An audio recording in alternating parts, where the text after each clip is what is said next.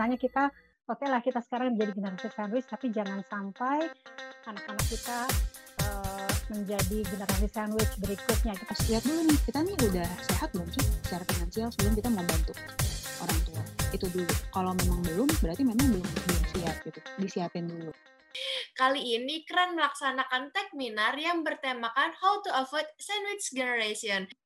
Kemudian generasi sandwich sendiri dibagi uh, tiga, sebenarnya tiga karakteristik. Itu uh, yang membagi adalah bernama Karol Abaya, dia expert of aging, on aging and elder parent care issues. Ada traditional sandwich, yaitu sandwich yang menyokong at atasnya dan bawahnya. Ada yang disebut club sandwich, itu yang terimpit uh, menyokong uh, kakek uh, orang tuanya, anaknya dan cucunya, atau sebaliknya menyokong anaknya, orang tua dan kakek neneknya dan ada juga yang memang berprofesi sebagai um, orang yang merawat lansia. Ya, kemudian uh, sebenarnya menjadi generasi sandwich itu nggak buruk karena ada banyak hal yang bisa menjadi sebenarnya kita harus bersyukur ya kalau kita bisa membantu orang tua, apalagi uh, dalam keluarga dalam kebanyakan keluarga Indonesia membantu orang tua itu sebuah kebanggaan gitu ya. Jadi sebenarnya nggak ada nggak ada buruknya. Yang yang yang yang menjadi sulit adalah kalau kita sendiri tidak bisa mengelola uh, stres dan juga mengelola finansial kita dengan dengan cukup baik. Di sini saya sampaikan ada beberapa anugerah yang bisa kita uh, miliki kalau kita uh, menjadi generasi sandwich, tapi juga ada tantangannya dan tantangan terbesar adalah masalah psikologis dan masalah uh, uh, finansial ya. Jadi perencanaan finansialnya uh, harus sangat baik. Kebetulan di sini ada tiga uh, ahli dalam perencanaan uh, finansial dan nanti itu akan dibahas oleh uh, mereka gitu ya. Jadi saya nggak akan terlalu banyak bahas di sana. Kemudian uh, bagaimana menghindari jebakan sandwich generation ya itu tadi. Jadi kita harus uh, merancang finansial dengan cukup baik tapi juga bisa eh, bersamaan dengan itu merancang, uh, mengatur, memanage stres kita dengan baik gitu ya. Jadi kalau beberapa orang yang sudah lanjur menjadi generasi saya kira satu-satunya cara agar tidak rantai ini tidak terus-menerus melilit ke anak-anak kita adalah dengan apa ya, memutuskan memutuskan rantai tersebut. Jadi biarkan misalnya kita oke okay lah kita sekarang menjadi generasi sandwich tapi jangan sampai anak-anak kita uh, menjadi generasi sandwich berikutnya. Kita harus memutus rantai rantai itu dengan uh, mulai sekarang, mulai sekarang meskipun mungkin uh, masih berumur 20-an atau 30-an awal kita tetap harus mencoba untuk uh, me, apa namanya me, mengatur mengatur uh, keuangan dan juga mengatur stres kita dengan cukup baik. Nah, bagaimana jika terlanjur menjadi generasi sandwich? Ya, cobalah menjadi generasi sandwich terakhir. Yang Dorothy Miller generation ini tidak keliru sebenarnya, karena pembentukannya memang dari nilai-nilai uh, Barat yang cenderung individualis. Tapi tinggal di Indonesia yang punya nilai-nilai kebersamaan yang tinggi tadi uh, Kak Astrid bilang gitu juga. Setiap orang ini uh, di sini memiliki status yang sama. Eh, uh, sorry, ada orang tua hubungannya itu tidak terputus loh teman-teman. Kan nggak ada kan ya bekas orang tua, bekas anak, maka selamanya kita akan terikat atau terkait di dalamnya. Nah, bagaimana sandwich generation di uh, dipandang dari sudut pandang Islam gitu ya. Nah, dari sisi kewajiban dan kemampuan, Allah menyampaikan seperti yang di sini di dalam Al-Baqarah 215 katakanlah harta apa saja yang kamu infakkan hendaklah diperuntukkan bagi kedua orang tua, kerabat, anak yatim, perjalanan.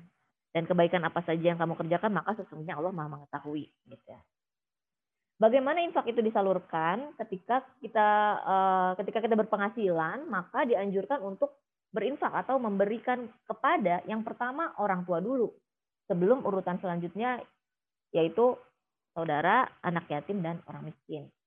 Nah, di bagian lain mengenai kebutuhan keluarga atau anak, Allah menyampaikan di dalam An-Nisa ayat 9 Hendaklah kamu takut kepada Allah, orang-orang yang sekiranya mereka meninggalkan keturunan yang lemah di belakang mereka, yang mereka khawatir terhadap kesejahteraannya.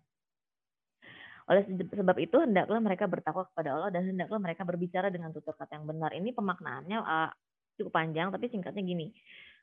Uh, bahwa jangan sampai kita sebagai orang tua meninggalkan anak-anak yang lemah iman dan akidahnya. Nah, orang-orang yang uh, seperti ini ya kalau misalnya orang apa kita tuh kurang mendidik anak-anak maka orang ini apa gampang terpengaruh tuh lemah iman gampang dipengaruhi teman-temannya ya seperti banyak kasus sekarang ini gitu ya e, gampang terpengaruh pemahaman yang lain sirik munafik dan lain-lain. Hidupnya tuh terombang ambing tuh labil jadi mudah gampang melepas imannya gitu. Dibawa-bawa sama teman-temannya ya. Dalam hal ini anak-anak membutuhkan pendidikan yang terbaik. Nah, hal ini kalau diterjemahkan dalam angka, maka kesemuanya akan jadi biaya nih teman-teman. Belum lagi sampai ke perencanaan waris, ya. Itu tentu udah pasti itu udah ada pasti ada hubungannya. Nah, lanjut ya teman-teman. Oke, jadi sandwich ini beban atau kesempatan sih? Ya, salah seorang sahabat Nabi ini hadis Sahih, salah seorang sahabat mendatangi Nabi dan dia bertanya tentang harta yang ia miliki. Namun ia punya orang tua yang miskin. Lalu bertanya apakah ia wajib menafkahi orang tuanya. Kemudian Rasulullah menjawab, Hei, sesungguhnya kamu itu dan hartamu adalah milik orang tuamu. Dan anak-anakmu adalah bagian dari penghasilanmu yang baik. Maka makanlah dari penghasilan anak-anakmu. Gitu bahwa pada dasarnya langkah awal yang perlu diubah adalah mindset. Mindset bahwa orang tua itu adalah beban. Seperti yang disampaikan di sesi sebelumnya bahwa sebetulnya ada anugerah yang sangat besar sebagai eh, sandwich generation. Nafkah kepada orang tua merupakan salah satu di antara bentuk birrul walidain gitu ya. Berbuat baik gitu pada orang tua, terutama kalau orang tuanya sudah sudah usia lanjut eh, belum mampu kita ditopang sama orang tua kita.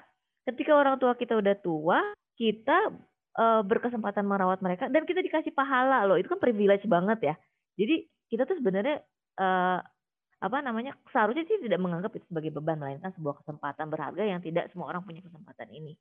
Demikian juga kesempatan untuk mensupport keturunan kita yang merupakan aset uh, amal di kemudian hari gitu ya.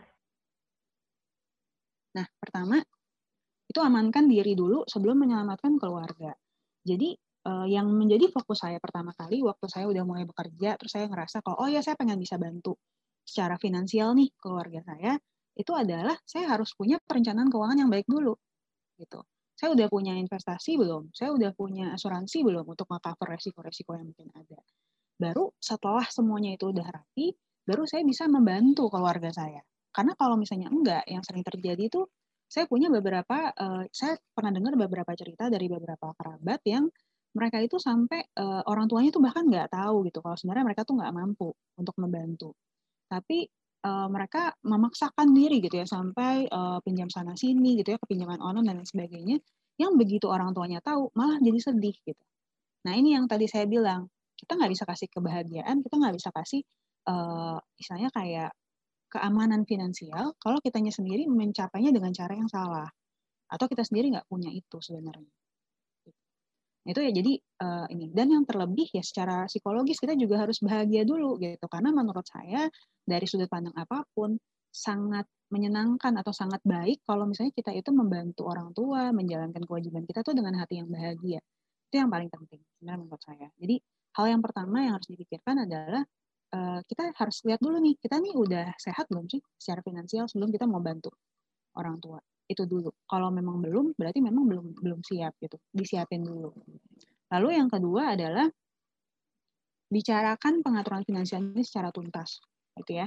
Karena kalau misalnya kita bicara soal uang, banyak sekali hubungan yang rusak. Itu gara-gara itu. Saya banyak mendengar cerita uh, di mana ya manusia gitu ya uh, dalam berinteraksi entah dengan pasangan suami istri, mertua dan menantu, anak dan orang tua, saudara, itu yang ribut gara-gara memang ketidaksepakatan soal uang. Jadi ada baiknya dibicarakan di awal gitu secara tuntas. Misalnya uh, mungkin teman-teman bisa catat nih pemasukan saya besarnya sekian. Pemasukan uh, mungkin kakak, mungkin adik atau saudara itu sekian gitu. Dan kita bisa saya bisa ngebantu di pos apa gitu. Jadi bisa dibicarakan nih keter, uh, keterbatasan-keterbatasan kita. Kayak tadi misalnya, oh ya, uh, iya maaf nih uh, Pak, Bu, saya kan kebetulan juga ada kebutuhan rumah tangga untuk yang uh, anak saya, untuk istri saya misalnya gitu ya. kemudian saya bisa bantu uh, untuk mungkin biaya bulanan, untuk bayar listrik gitu. Nah, pos-pos uh, yang mungkin belum bisa ke cover ini sama-sama dicari bareng solusinya. Kira-kira uh, gimana ya untuk yang ini? Apakah mungkin si kakak bisa atau mungkin gimana bisa gitu segala, segala macam. Jadi semuanya itu didiskusiin, jangan sampai ada situasi yang istilah disembunyikan gitu. Karena saya juga sering nemu tadi yang saya ceritain gitu uh, orang tuanya kayak nanya, eh ini saya uh, kita di rumah lagi ada kendala ini, kamu bisa bantu nggak? Sebenarnya dia nggak bisa bantu, tapi uh, memaksakan diri gitu ya, sehingga akhirnya uh, orang tuanya tuh bahkan nggak tahu kapasitas finansial anaknya. Jadi uh, akhirnya malah begitu tahu bahwa ternyata ini semua hasil dari hutang gitu ya, malah jadi ngerasa bersalah orang tuanya jadi stres. Dan menurut saya itu juga nggak oke okay gitu ya, membantu orang tua dengan cara seperti itu. Jadi uh, sebaiknya dibicarakan secara tuntas gitu, betul-betul terbuka jadi kita juga tahu uh, di pos mana yang kita masih harus cari lagi nih bareng-bareng solusinya. Lalu kalau masih memungkinkan, masih bisa masuk asuransi, ada baiknya orang tua di cover dengan insurance juga. Supaya nantinya kalau ada resiko kesehatan gitu ya, kita tahu juga untuk biaya kesehatan saat ini cukup mahal gitu ya, uh, apalagi kalau untuk usia lanjut. Jadi ada baiknya kalau misalnya masih memungkinkan gitu, mungkin uh, bisa diusahakan untuk di cover dengan asuransi. Lalu yang ketiga, uh, upayakan penghasilan tambahan. Jadi saya tahu ini bukan hal yang mudah untuk dilakukan. Saya juga tahu ini bukan keadaan yang paling ideal yang bisa kita lakukan. Tapi seandainya mungkin gitu ya, ada baiknya ada uh, pengupayaan untuk penghasilan tambahan dari dalam rumah tangga.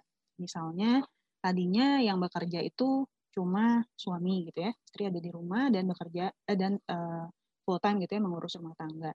Ada baiknya mungkin istri bisa mengusahakan penghasilan tambahan, mungkin nggak harus dengan bekerja uh, penuh waktu ya, tapi mungkin bisa dengan misalnya mencari penghasilan online gitu ya, atau jualan makanan uh, pakai ojek online atau bagaimana gitu ya, sehingga ada penghasilan tambahan untuk rumah tangga yang mungkin nanti bisa membantu meringankan beban rumah tangga ini, karena beban rumah tangganya kan nggak cuma suami, istri dan anak, tapi juga orang tua gitu misalnya dalam kasus ini. Itu yang uh, kalau misalnya bisa ada akan lebih baik gitu.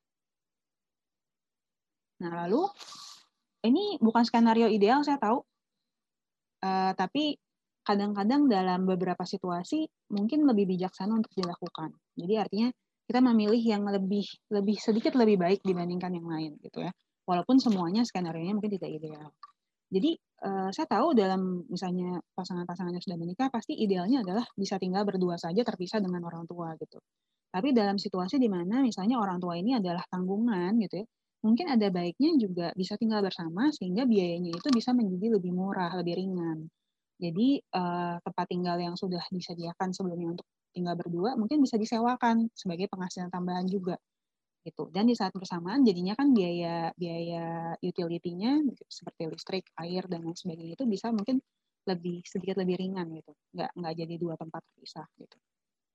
Uh, jadi ini bisa jadi salah satu opsi juga seandainya memang um, tadi misal opsi untuk mencari pendapatan tambahan agak sulit untuk dilakukan gitu kan Eh, kemudian juga mungkin anak tunggal gitu kan dan harus memang menghidupi orang tua tanpa bantuan dari saudara-saudara yang lain mungkin ini bisa jadi salah satu opsi juga. Gitu. nah lalu yang paling terakhir adalah penuhi kebutuhan bukan keinginan. Ini berlaku untuk semua di dalam rumah tangga. Gimana sih caranya agar tidak menciptakan generasi sandwich berikutnya? Uh, sebelumnya kan sudah dijelaskan juga ya oleh pembicara-pembicara uh, sebelumnya, di sini saya mau jelasin sedikit tentang uh, melakukan perencanaan keuangan dengan baik. Jadi saya sedikit di sini mau cerita tentang uh, konsep pembagian 28.000 hari kehidupan manusia oleh seorang perencana keuangan dunia namanya Dr. Sanjay Tolani. Beliau ini membagi fase kehidupan manusia menjadi 28.000 hari atau 80 tahun dan terbagi atas empat kuadran atau empat tahapan kehidupan. Yang pertama ini kita bisa lihat ya di sini uh, usia 0 sampai 20 tahun. Di sini 7.000 hari pertama kita, di sini biasanya masih dalam tahap bermain dan belajar atau sekolah. Kemudian memasuki fase kedua, usia 20 sampai 40 tahun. Di sini biasanya kan teman-teman udah pada mulai kerja ya, udah mulai memasuki usia produktif, sudah punya penghasilan dan mulai menciptakan aset, misalnya sudah beli rumah, eh, beli mobil atau menabung dan eh, pada umumnya di usia ini rata-rata sudah mulai berkeluarga dan mempunyai anak. Nah, fase yang ketiga ini adalah usia 40 sampai 60 tahun. di sini adalah masa untuk uh, akumulasi aset ya. Jadi yang tadinya udah punya rumah pengen beli aset lainnya gitu, kemudian sudah punya uh, macam-macam aset, dia pengen nambah aset lainnya. Jadi harapannya aset ini atau uh, kekayaannya ini akan dinikmati di masa depan. Nah, fase yang keempat ini adalah 60 sampai 80 tahun. Ini fase terakhir dalam kehidupan manusia di usia ini adalah masa pensiun ya kalau kita bilang. Jadi idealnya di usia ini kita sedang menikmati aset yang sudah diciptakan dan diakumulasikan sebelumnya. Di sini kalau kita lihat, saya juga mencantumkan dengan uh, hasil survei dari eh, BPS tahun 2019 mengenai angka harapan hidup orang di Indonesia. Kurang lebih ya ini angka harapan hidup kalau laki-laki tahun 2019 itu sekitar 69,44 tahun, kalau perempuan itu lebih panjang 73 tahun. Jadi ya uh, kurang lebih hasil survei ini mendekati konsep pembagian 28.000 hari kehidupan manusia. Nah, lakukanlah perencanaan keuangan segera saat masih dalam usia produktif ya. Siapkan segala sesuatunya dengan baik.